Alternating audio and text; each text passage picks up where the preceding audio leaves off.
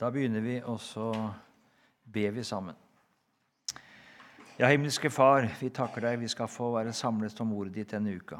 Vi ber om din hellige ånd over timene, over kveldsmøtene. At du kunne få føre oss inn i ordet ditt, dette levende ord som kan gjøre vis til frelse ved trua på Kristus Jesus. Vi sang det her nå at eh, vår formørkede forstand kan jo ikke sannhet kjenne uten din, den gode ånd, vil sitt lys i oss opptenne. Så ber vi om det. Godt å tenke, tale, gjøre eller høre. Og du fører oss til det. Amen. Aller først Galaterbrevet. da, Det er eh, skrevet av apostelen Paulus. og Galatia kan være to ting. Det kan være et landskap eller et område enten ganske midt i dagens Tyrkia eller litt lenger nord. Vi vet ikke akkurat, men det er to, på en måte, to Galatia. Og Paulus han kommer dit første gang på sin andre misjonsreise. Da hadde han ikke planer om å reise dit, egentlig, men han kommer dit pga. Eh, av hans. Jeg kommer litt tilbake til det. Og Så besøker han også da Galatia på sin tredje misjonsreise. Og så er det slik at Kort tid etter at apostelen Paulus har vært der, så trenger de en vranglære. Det er noen som eh, bl.a. anklager han for ikke å være en sann apostel. Og, de kommer med eh, krav om at eh, de troende her, som ikke er jøder, de må la seg omskjære, de må forplikte seg på Mose lov og slike ting. Og Det er for å ta oppgjør med denne vranglæren som er i ferd med å true evangeliets frihet, at Paulus skriver Galaterbrevet. Vi vet ikke akkurat når, men trolig mens han er i Efesus, mellom 53 til 56, eller når han har reist derfra til Korint i år 56 etter Kristus. Og Da leser vi de par første versene, og så skal vi lese oss igjennom de to første kapitlene i denne timen. Vi leser i Jesu navn. Paulus, apostel, ikke av mennesker eller ved noe menneske, men ved Jesus Kristus og Gud Fader, som reiste ham opp fra de døde, og alle brødrene som er sammen med meg, til menighetene i Galatia. Det er noe som apostelen Paulus understreker i alle sine brev, og kanskje aller sterkest her i Galaterbrevet. Det er at han har sitt kall direkte fra Gud. Han har det ikke via et menneske. Det er jo det vanlige. At når vi blir satt til en tjeneste, så får vi kallet formidlet gjennom noen mennesker som kaller oss til en tjeneste og gir oss en oppgave. Slik var det ikke med Paulus. Han fikk sitt kall direkte fra Jesus Kristus. Ikke av mennesker, sier han. Heller ikke ved noe menneske. Og Når han understreker det så sterkt, så er det nok nettopp fordi det er noen som har anfektet hans stilling som apostel. Han var ikke blant de tolv, og han sto ikke i noen kontakt med dem heller da han begynte å virke som apostel. Og så har de ment at han er ingen riktig apostel. Og hvorfor har de angrepet det?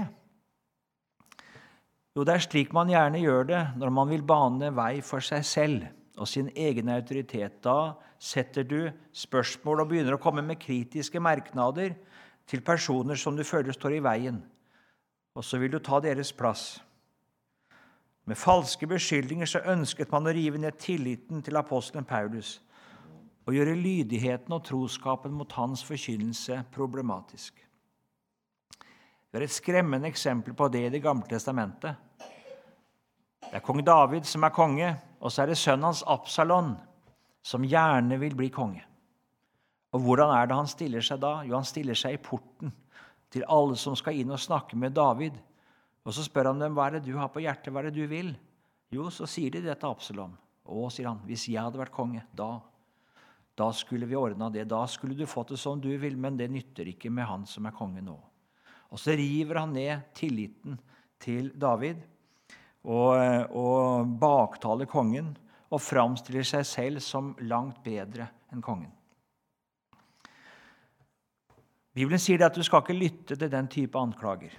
Du skal ikke ta imot en anklage mot den eldste uten at den blir støttet av to eller tre vitner, som står det i 1. Tim 5,19. Det er egentlig henta fra Moseloven. Den som farer med falske og kjødelige anklager mot andre, han viser at han går sitt eget ærend. Han er mer egentlig på å fremme seg selv og et parti enn Guds ord og sannhet. Det står i Romerbrevet 16, 17-18.: Hold øye med dem som volder splittelse og anstøt imot den lære som dere har lært. Vend dere fra dem. For disse tjener ikke vår Herre Jesus Kristus. Det vil man gjerne gi inntrykk av at man gjør. At det er nidkjærhet for, for Bibelen, det er nidkjærhet for sannheten. Nei, de tjener ikke vår Herre Jesus Kristus, men sin egen buk. Og ved sine fagre og smigrende ord dårer de hjertene til de godtroende. En Guds mann går ikke fram slik at hans forkynnelse eller virksomhet er opptatt av det på en måte å henge ut andre og rakke ned på andre. Han sier apostelen Paulus i 2. Korinterbrev 4, vers 2.: Vi har sagt oss løs fra alle skammelige snikveier og farer ikke fram med list. Heller ikke forfalsker vi Guds ord, men ved å legge sannheten åpent fram anbefaler vi oss for Guds ansikt til alle menneskers samvittighet. Overfor disse falske anklagene så sier altså apostelen Paulus at han har sitt kall direkte fra Jesus Kristus og Gud Fader. Hans tjeneste har ikke sin grunn i andre mennesker, ikke i han selv, men han går Guds ærend. Og så kommer han med sin vanlige hilsen. Nåde være med dere og fred fra Gud Fader og vår Herre Jesus Kristus. Han som ga seg selv for våre synder, for å fri oss ut fra den nåværende onde verden etter vår Guds og Fars vilje. Ham være ære i all evighet. Amen. Han lar hilsenen sin følges av noen ord. Han som ga seg selv for våre synder for å fri oss ut fra den nåværende onde verden. Og Der har han angitt tema, de han vil tale om. Jesus ble åpenbart for å frelse oss fra synden, fra all kjødelighet, for å fri oss ut ifra den nåværende onde verden. Og Det er egentlig en hovedsak i Galaterbrevet å tale om hvordan Jesus har frelst oss fra det gamle livet. Fra synden, fra verden og fra en kjødelig kristendom også og gi oss et helt nytt liv. Vi tenker lett at Galaterbrevet handler om rettferdiggjørelse av tro. Det gjør det i og for seg. Men det er rettferdiggjørelsen av tro med sikte på livet som kristen som Galaterbrevet handler om. Ikke så mye om det å stå rettferdig overfor Gud, men mye mer vekt på det at jeg skal leve i troen på Jesus her i denne verden. Et nytt liv som er av Gud, og ikke det som jeg kan stable på beina med mine egne tiltak. Og Vi leser videre fra vers 6.: Jeg undrer meg over at dere så snart vender dere bort fra Ham som kalte dere ved Kristi nåde, til et annet evangelium. Skjønt ikke finnes noe annet. Det er bare noen som forvirrer dere og vil forvrenge Kristi evangelium. Men selv om vi, eller en engel fra himmelen, skulle forkynne dere et annet evangelium enn det vi har forkynt dere, han være forbannet. Som vi før har sagt, så sier jeg nå igjen, om noen forkynner dere et annet evangelium enn det som dere har mottatt, han være forbannet. Og Da er vi rett inne i situasjonen i Galatia. Det er noen som har forkynt et annet evangelium enn det som apostelen Paulus har forkynt og lært dem. Han venter med å ta opp hva det er. Han bare holder det fram nå, at de forkynner noe som er i strid med det han har forkynt. Og han vet, det apostelen, at det han har forkynt, det er ikke hans egne meninger. Det er ikke menneskeord, men det er Guds eget ord. Som det skulle komme en engel fra himmelen og forkynte noe annet. Eller hvem det nå er. Han være forbannet. Og Da har han satt opp på en måte en målestokk som alt skal prøves på. Og det er det vi i Bibelen kaller for apostlenes lære. Og Sånn er det også i dag. Vi må prøve all forkynnelse på apostlenes lære. Prøve den på Guds ord. Om noen sier altså at 'jeg har fått et syn', 'jeg har møtt en engel som har sagt' Det må prøves på apostelens ord. Om det var en engel fra himmelen, han være forbannet. Det har ikke forandret seg. Vi må prøve forkynnelsen på Bibelens ord. Og Så fortsetter apostelen. Søker jeg nå å bli anerkjent av mennesker eller av Gud? Eller søker jeg å gjøre mennesker til laks? Dersom jeg ennå søkte å være mennesker til laks, da var jeg ikke Kristi tjener. Apostelen går altså imot noen som sier det at en må la seg omskjære. En må forplikte seg på Moseloven for å bli frelst. Og så er kanskje anklagen fra disse her at når Paulus går imot det, så er det fordi han vil behage mennesker. Det er fordi han vil gjøre det enkelt for de hedninge kristne. Han vil, han vil, være på en måte imøtekommende, og han vil være på en måte, ja, det, slå litt av på Guds ord for å behage mennesker. Noen som syns det er litt tungt med alle disse tinga. Og så forkynner han et evangelium som er ganske enkelt, som er på en måte eh, Som er eh, spiselig for mennesker som er late. Ja, Hvis jeg gjorde det, sier apostelen, hvis det var det som var beveggrunnen min, da var jeg ikke Kristi tjener. Hvis forkynnelsen min har slike taktiske, kjødelige eh, motiv. At jeg prøver på en måte å ta bort ting fra Guds ord for at det gjør det mer spiselig og behagelig for mennesker. Da er jeg ikke Kristi tjener. En kristen predikant, en Guds ords forkynner, kan aldri opptre taktisk. Han må forkynne Guds ord om det smaker eller ikke smaker. Jeg kunngjør dere brødre at det evangelium som er blitt forkynt av meg, ikke er menneskeverk. Heller ikke har jeg mottatt eller lært av noe menneske, men ved Jesu Kristi åpenbaring. Det er ikke noe jeg har funnet på. Vi hadde jo en, en norsk eh, teolog som heter Jakob Jervel. Han lærte det om Paulus, at eh, Paulus han satt lenge og grunnet og tenkte, og så kom han fram, fram til liksom denne ideen om rettferdiggjørelse av tro. Nei, sier apostelen. Det er ikke noe jeg har kommet fram til, det er ikke noe jeg har grublet meg fram til. Det er ikke en idé. Det evangelium jeg forkynner, er ikke menneskeverk. Jeg har fått det ved Jesu Kristi åpenbaring. Det er et budskap som er gitt av Jesus selv, og som han ikke kan endre på. Dere har jo hørt hvordan jeg en gang levde som jøde, hvor hardt jeg forfulgte Guds menighet og forsøkte å utrydde den. Jeg gikk lenger i jødedommen enn mange jevnaldrende i mitt folk og var enda mer nidkjær for overleveringene fra fedrene. Det er som sagt kommet noen inn i Galatermenigheten som sier det. Dere må la dere omskjære. Dere må følge spiseforskriftene. Dere må eh, følge alle disse forskjellige seremoniallovene. Forplikte dere på Moseloven hvis dere skal bli frelst. Så sier Paulus, 'Jeg har vært dere nidkjær for det enn noen'. Det er ikke slik at jeg av natur er litt sånn negativ til det. Nei, tvert imot. Jeg har vært en som har vært mer nidkjær for dette enn noen andre. Jeg har gått lengre i en troskap mot dette enn de fleste i mitt folk. Så han skulle på mange måter ha en naturlig positiv innstilling til dette. Men, fortsetter han, da han som utvalgte meg fra mors liv og kalte meg ved sin nåde, etter sin gode vilje besluttet å åpenbare sin sønn i meg, for at jeg skulle forkynne evangeliet om ham blant hedningene, da samrådde jeg meg ikke med kjøtt og blod. Apostelen Paulus fikk et møte med Jesus som forandret hele hans innstilling. Det er ikke menneskers påvirkning, det er ikke menneskelig hensyn, press eller andre sånne ting som har fått han til å endre syn.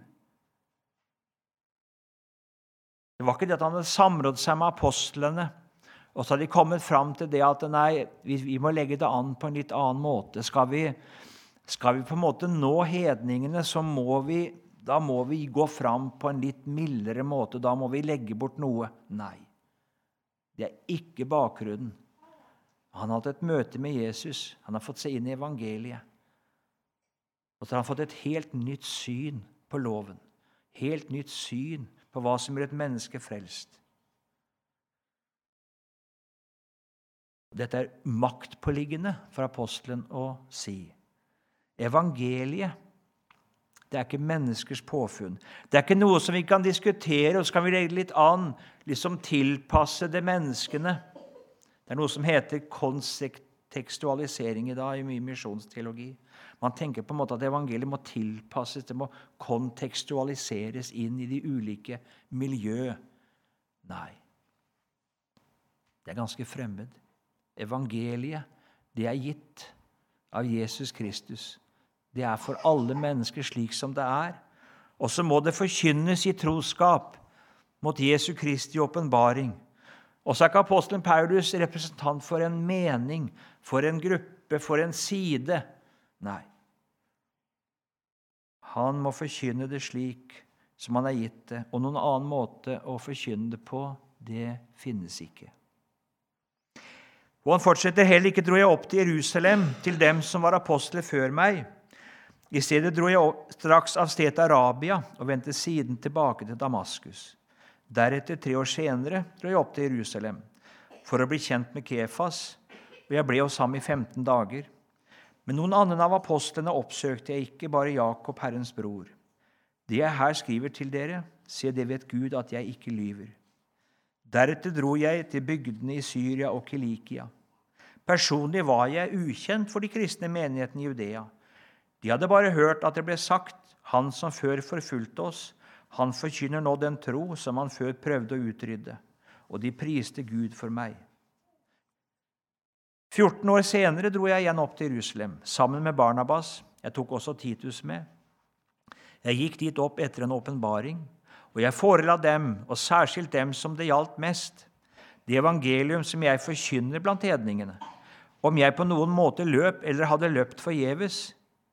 Men ikke engang Titus, som var med meg, han som var greker, ikke engang han ble tvunget til å la seg omskjære. For de falske brødres skyld som hadde sneket seg inn. De var kommet for å lure på vår frihet, den som vi har i Kristus Jesus, for å kunne gjøre oss til treller men ikke et øyeblikk vek vi eller ga etter for dem, for at evangeliets sannhet skulle stå fast hos dere. Men de som gjaldt for å være noe, hvor store de var, er meg det samme. Gud gjør ikke forskjell på folk. De som gjaldt mest, påla meg ikke noe i tillegg. Apostelen gjør bare rede for her hvordan han har vært i kontakt med apostlene i Jerusalem. Hvordan de tok imot han, og hvordan de overhodet ikke påla ham noe annet enn det han hadde forkynt, mens de anerkjente både han og hans forkynnelse for å være Guds sannhet. Og Vi leser videre. Tvert imot, de så at jeg var blitt betrodd å forkynne evangeliet for de uomskårne, liksom Peter for de omskårne. For han som ga Peter kraft til aposteltjeneste blant de omskårne, altså blant jødene, han ga også meg kraft til det blant hedningene. Da de som gjaldt for å være støttende, Jakob og Kefas og Johannes, ble kjent med den nåde som var meg gitt, ga de meg og Barnabas samfunnsånd, for at vi skulle gå til hedningene, men de til de omskårne. Vi skulle bare huske på de fattige, og nettopp det har jeg lagt vind på å gjøre. Paulus skulle ha et særlig oppdrag i det å samle inn gaver til de fattige troende i Jerusalem. Og Det lå han meget på hjertet. Men de andre apostlene altså, de hadde anerkjent Paulus og hans budskap. Men, og det er viktig for ham, det betyr ikke at autoriteten i Paulus sitt budskap ligger i apostlenes anerkjennelse. Det gjør det ikke. Autoriteten ligger bare i Gud selv, som har gitt budskapet. For selv ikke apostlene var uten feil og svakheter. Det ser vi nå fra vers 11. Men da Kefas, altså Peter, kom til Antiokia, sa jeg ham imot like opp i ansiktet, fordi han opptrådte klandreverdig. Før det kom noen fra Jakob, altså fra Jakob og Jerusalem, Jesu bror. For det kommer noen der, altså fra Jerusalem. Og I Jerusalem så hadde det kommet noen inn av fariseernes parti som hadde tatt imot Jesus. Men de tok med seg sin forpliktelse på Moselov. Og Så kommer de nå til Antiokia, og så er Peter der og spiser med hedningene. Og så blir han engstelig for hva disse skal tenke. Disse mer fariseisk som ville følge Moseloven. Før det kom noen fra Jakob, åt han sammen med hedningene. Men da de kom, trakk han seg tilbake og holdt seg unna, fordi han var redd for dem som var av omskjærelsen. Og sammen med ham hyklet også de andre jødene slik at til og med Barnabas ble revet med av hykleriet deres. Men da jeg så at det ikke gikk rett fram etter evangeliets sannhet, sa jeg til Kefas i alles nærvær, når du som er jøde, lever etter hedens skikk og ikke som jøde, hvordan kan du da tvinge hedningene til å leve som jøder? Peter hadde jo hatt en særlig åpenbarelse når han var i Joppe. Han fikk jo se en duk ikke sant, som kom ned, med rene og urene dyr. Og så sier Gud til ham, 'Slakt og et'. Nei, sier Peter. Aldri har jeg spist noe urent. Og så sier Gud til ham at det jeg har renset, skal ikke du kalle urent. Og mens han tenker på hva det betyr, så kommer det noen til ham og sier at han skal gå til en som heter Cornelius i Cesarea. Og Der kommer han altså til en italiener og forkynner evangeliet. Og denne italieneren Cornelius, han tror på Jesus. Og så blir Peter der, og han spiser sammen med hedningen Cornelius og de andre. Og det blir bestyrtelse i Jerusalem. Det har skjedd før, så Peter vet jo dette. Og han lever etter dette, slik at når han lever nå i Antiokia blant hedningene, så spiser han med dem, de kristne der. Han forholder seg ikke til Moseloven, hvor jøder skulle spise for seg og hedninger for seg. Omskårne for seg og uomskårne for seg. Nei, det Gud har renset, skal ikke han kalle urent. Med troen har han også renset deres hjerter, sa Peter på apostelmøtet i Jerusalem. Men så kommer det noen fra Jerusalem som har den samme tanken. Nei, Peter, du må leve som jøde. Du må Og disse andre burde vel vært omskåret, de også. Forpliktet på Moses lov. Og av frykt for disse så trekker Peter seg tilbake. Spiser ikke lenger sammen med de hedningekristne. Og Da er det Paulus må gå kraftig imot dem. Nå gir jo Peter det inntrykk av at hedningene er annenrangs kristne. De er ikke skikkelig kristne før de har blitt omskåret, før de har begynt å leve etter Moses lov. De er ikke ordentlig frelst før de gjør det. Og så lurer de på evangeliets frihet, som apostelen sier. Da kommer han til en foreløpig konklusjon her i vers 15. Vi tenker på seg selv og Peter da, vi er av fødsel jøder og ikke syndere av hedensk ett. Vi er altså jøder. Vi er omskåret. Vi har levd i en forpliktelse på Moseloven, både jeg og Peter. Men da vi innså at et menneske ikke blir rettferdiggjort av lovgjerninger, men ved tro på Kristus Jesus, da trodde også vi på Kristus Jesus, for å bli rettferdiggjort ved tro på Kristus og ikke av lovgjerninger. For ikke noe menneske blir rettferdiggjort av lovgjerninger. I og med at både apostelen Paulus og Peter og de andre apostlene, som alle var jøder, erkjente det at rettferdig for Gud det blir vi ene og alene ved tro på Kristus Jesus. Da innså de at vårt jødiske opphav, vår omskjærelse, alt det vi har gjort etter Mose lov, det har ingen verdi for Gud. Det hadde sin betydning som et forbilde å peke på frelsen, men i seg selv så var det ingen gjerning som ga dem noe som helst overfor Gud. Guds nåde vinnes ikke på den veien. Peter han sa det så fint på apostelmøtet i Jerusalem. Vi tror sier han, at vi blir frelst på den samme måte som dem, sier han. Altså som hedningene. Tankegangen hos mange var Hedningene må bli frelst sånn som oss. De må bli som oss. Nei, sier Peter. Vi må bli frelst som dem. Bare ved tro på Kristus Jesus. Og Nå er det en hovedsak nå i hele Galaterbrevet. Den som vil bli frelst gjennom lovgjerninger. At jeg gjør det og det. At jeg overholder det og det. At jeg skikker meg slik og slik. Ja, han må se og gjøre alt. Hvis du vil vinne Guds velbehag og rettferdighet gjennom det du er, så se til å gjøre alt. Da får du holde hele loven, hvert eneste bud, av hjertet, hver en tanke, hver en motiv, i alle ting. Her er det enten-eller. Enten så får du gjøre alt og bli rettferdig ved det du er, eller så får du erkjenne det, at du i deg selv er en fortapt, en ugudelig, og så bli frelst av nåde, i kraft av det som Jesus har gjort, og hans rettferdighet. Det er bare de to mulighetene. Enten bli frelst av nåde for Jesus skyld, eller bli frelst ved mitt eget. Det er ikke mulig å blande det sammen. At jeg skal bli frelst litt ved det som jeg er, og så ved Jesus. Nei, her er det enten-eller. Enten Jesus alene, eller så er det jeg alene. Enten-eller.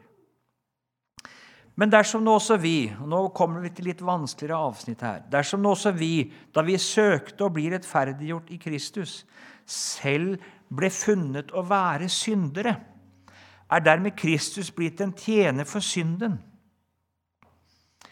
Den som tror på Jesus, hva sier han om seg selv? Han sier det.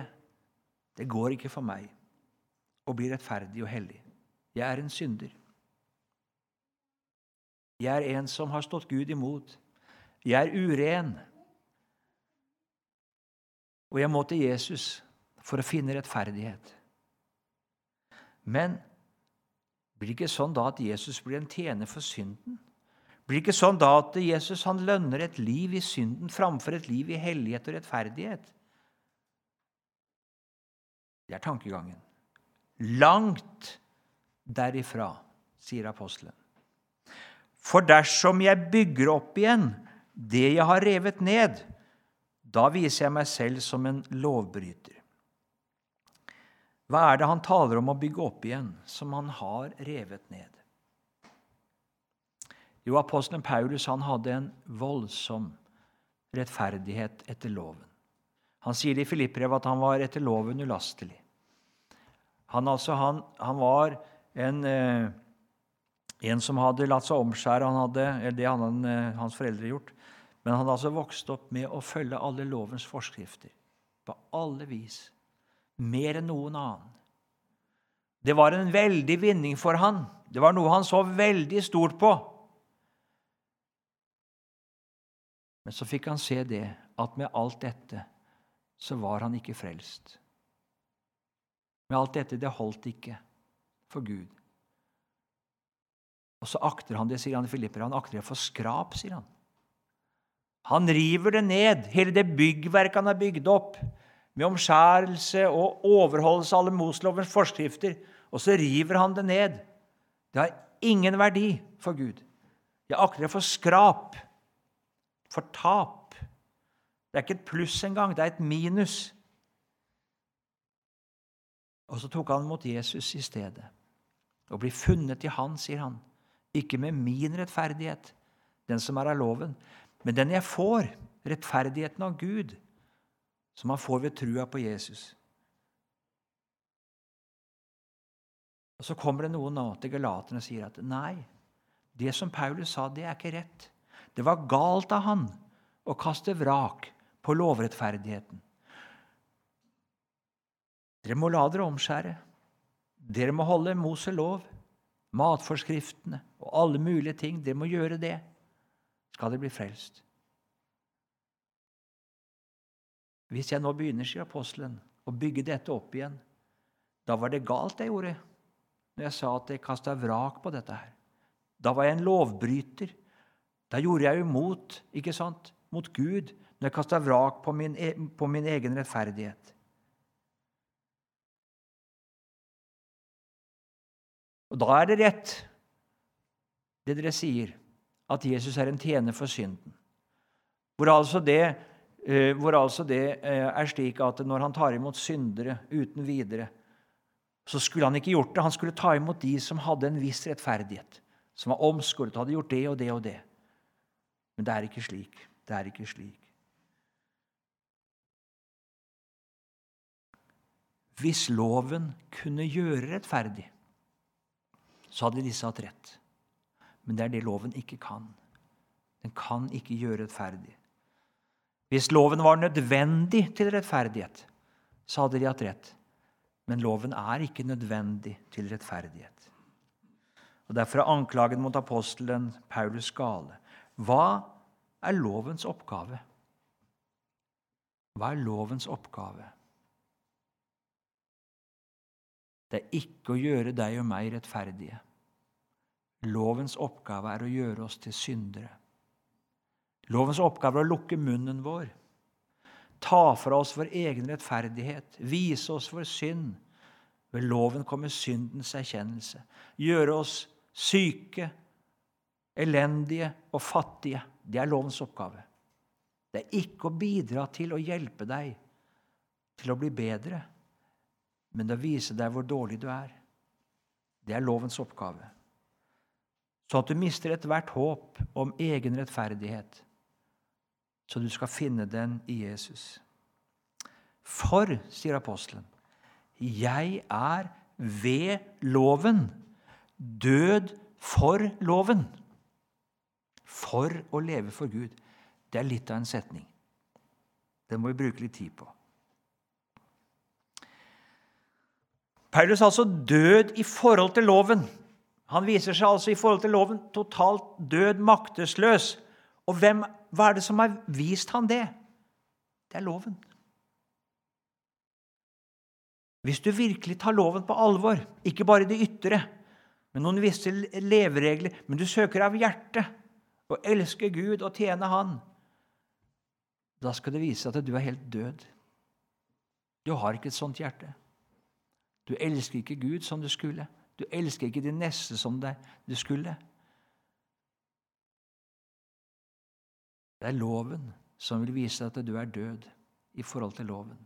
Og så kommer det underlig for at du skal leve for Gud. Da skjønner du, da må du leve for Gud i kraft av noe annet. Sånn var det med apostelen Paulus. Han sier at når budet kom, sier han Vi kan lese Rombrevet 7. Da budet kom. Budet som krevde hjerte. Ikke bare det ytre, men det krevde hjerte. Du skal ikke begjære. Han sier det sånn i vers 7 i Rombrevet 7. Hva skal vi da si er lovens synd? Langt derifra. Men jeg kjente ikke synden uten ved loven. For begjæret hadde jeg ikke kjent dersom ikke loven hadde sagt du skal ikke begjære. Du skal ikke ha lyst til synd. Men synden benyttet seg av budet og vakte all slags begjær i meg. For uten lov er synden død.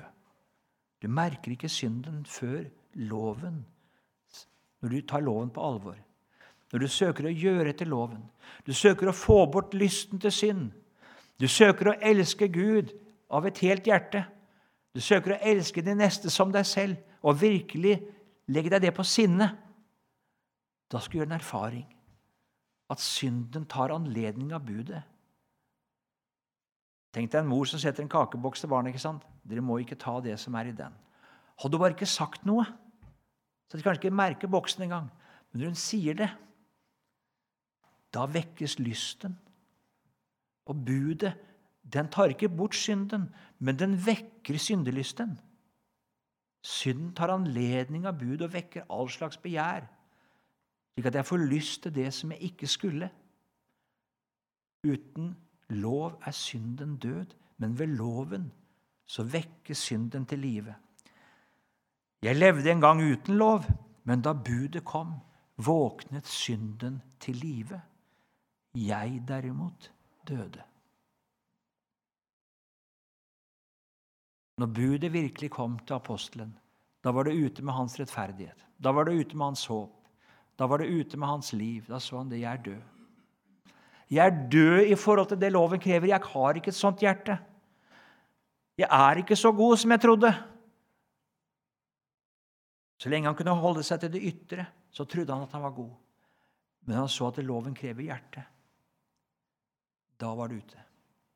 Jeg er ved loven død for loven. Det var nettopp den lov som judaistene ville pålegge dem. Det var den som førte til hans død. Vil så si det, Finner du trøst i at du ikke er som de andre? At du har, fører ditt liv, da skal du gjøre det for all del. Du skal føre et godt og pent liv. Det er ikke det jeg mener. Men hvis det er din trøst Jeg er ikke som den, og jeg er ikke som den, og jeg ikke gjør slik og ikke gjør slik. Og, og du syns egentlig at du kan rette ryggen og tenker at ja, jeg er en god kristen, for jeg er ikke sånn som den og den. Da har du ikke hørt loven. Da har du ikke hørt loven. Da har du bare hørt en, en utvendighet noe du kan flikke på og pynte på i det utvendige.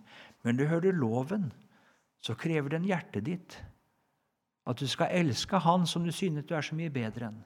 At du skal elske den vanskelige naboen og den vanskelige arbeidskameraten. De som er vanskelige, de som er onde. Du skal elske dem av hjertet. Du skal elske Gud over alle ting. Du skal ikke gjøre noe ut fra egenkjærlighet og ut fra egen fortjeneste, men av kjærlighet til Gud av kjærlighet til det som er rett, av hjertet, i ett og alt. Og Hvis du virkelig er ærlig og prøver det, så skal du se at et sånt hjerte har du ikke. Luther prøvde på det, så oppdaget han det etter hvert at han, han, begynte å hate Gud. Og Aller verst var det med Jesus, for han syntes Jesus krevde enda mer enn Moses. Og så hadde han ikke et sånt hjerte. Loven den er gitt deg for å ta fra deg all trøst i din egen gudsfrykt. All trøst i din egen gudsdyrkelse og åpenbare ditt forferdelige forderv. At du mangler ære for Gud. Det er det loven er gitt til. Hvorfor det? Her har apostelen underlig følge. Jeg døde for loven for at jeg skulle leve for Gud. Død for at jeg skal leve. Det høres jo bakvendt ut. At jeg dør for å leve. Veldig rart. Men han døde altså i forhold til loven og lovens krav for at han skulle kunne leve for Gud i sannhet.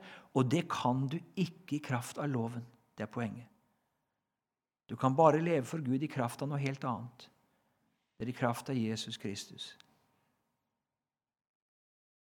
Det livet Paulus nå lever for Gud, det lever han altså ikke i kraft av seg selv, ikke i kraft av sin lovoppfyllelse, av sin naturlige evne. For en sånn evne har han ikke. Der er han som død. Det er loven vist ham. Og så fortsetter han da i vers 20. Jeg er korsfestet. Jeg er korsfestet med Kristus.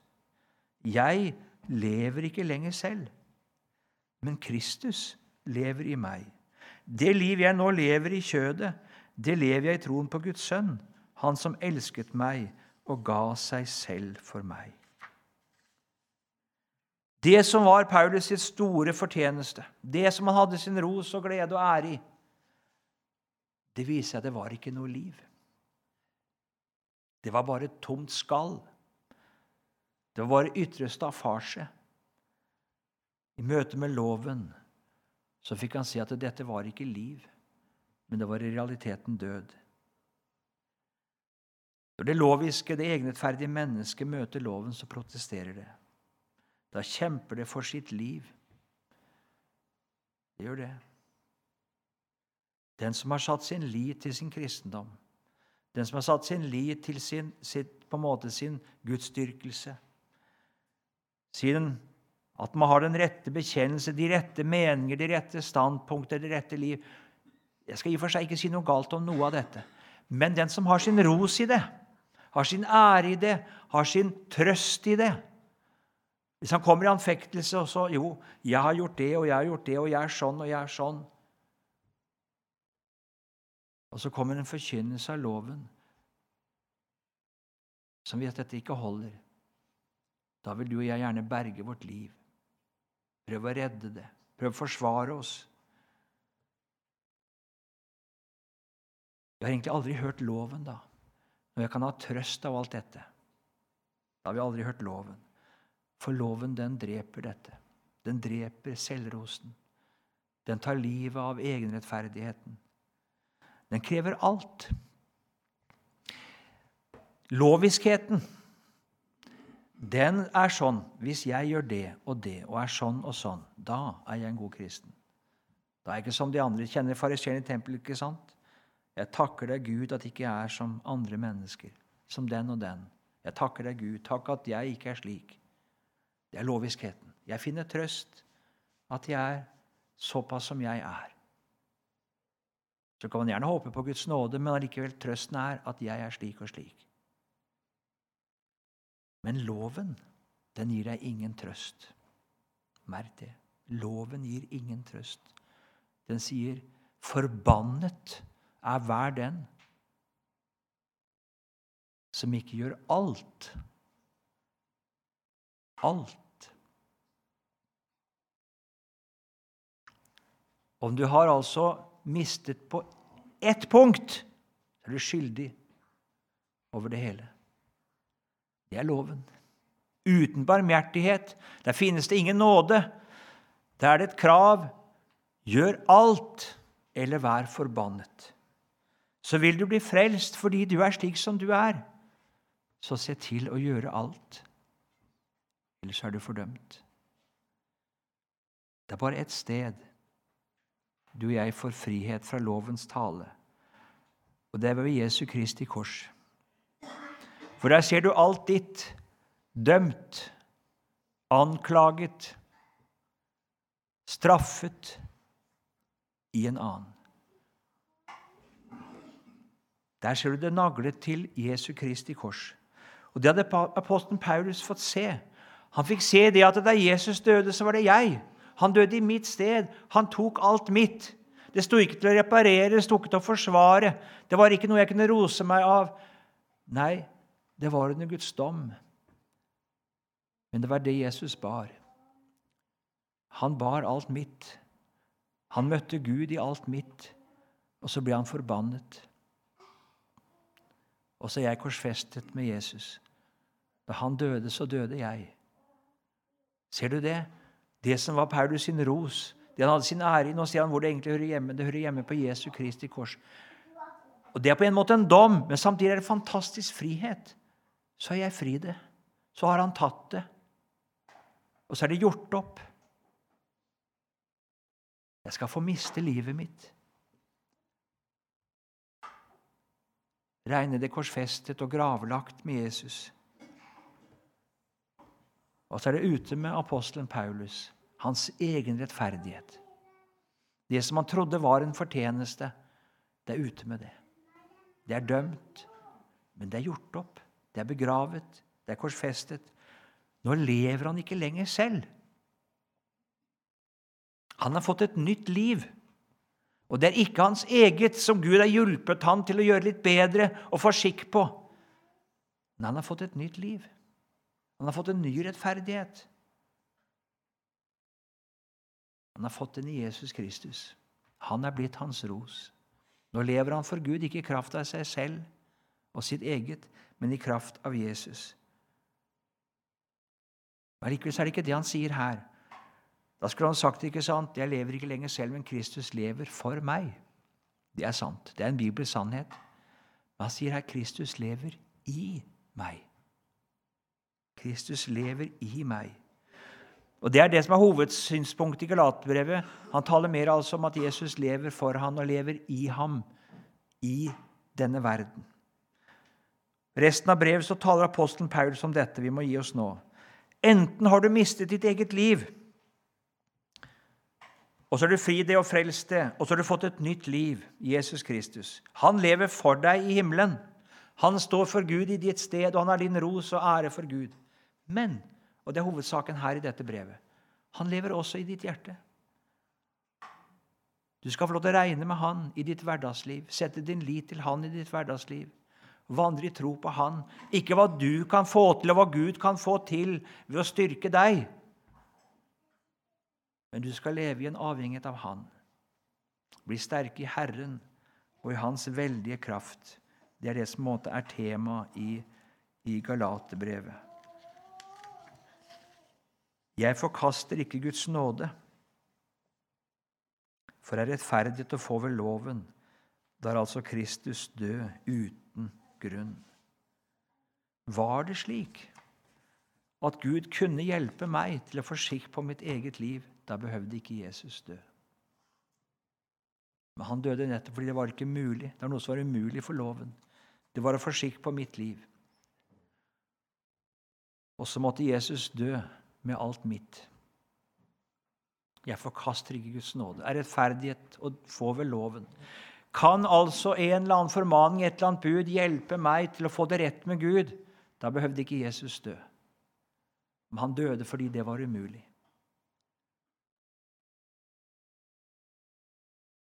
Og så forkaster jeg ikke Guds nåde. Jeg setter min lit til Jesus. At det var hans skyld for å være rettferdig. For hans skyld er jeg syndenes forlatelse. For hans skyld er jeg fri mitt eget. Og så har jeg fått et nytt liv. Et liv i himmelen i Kristus Jesus, og et nytt liv her på jorden, fordi han lever i meg. Vi stanser der. Amen.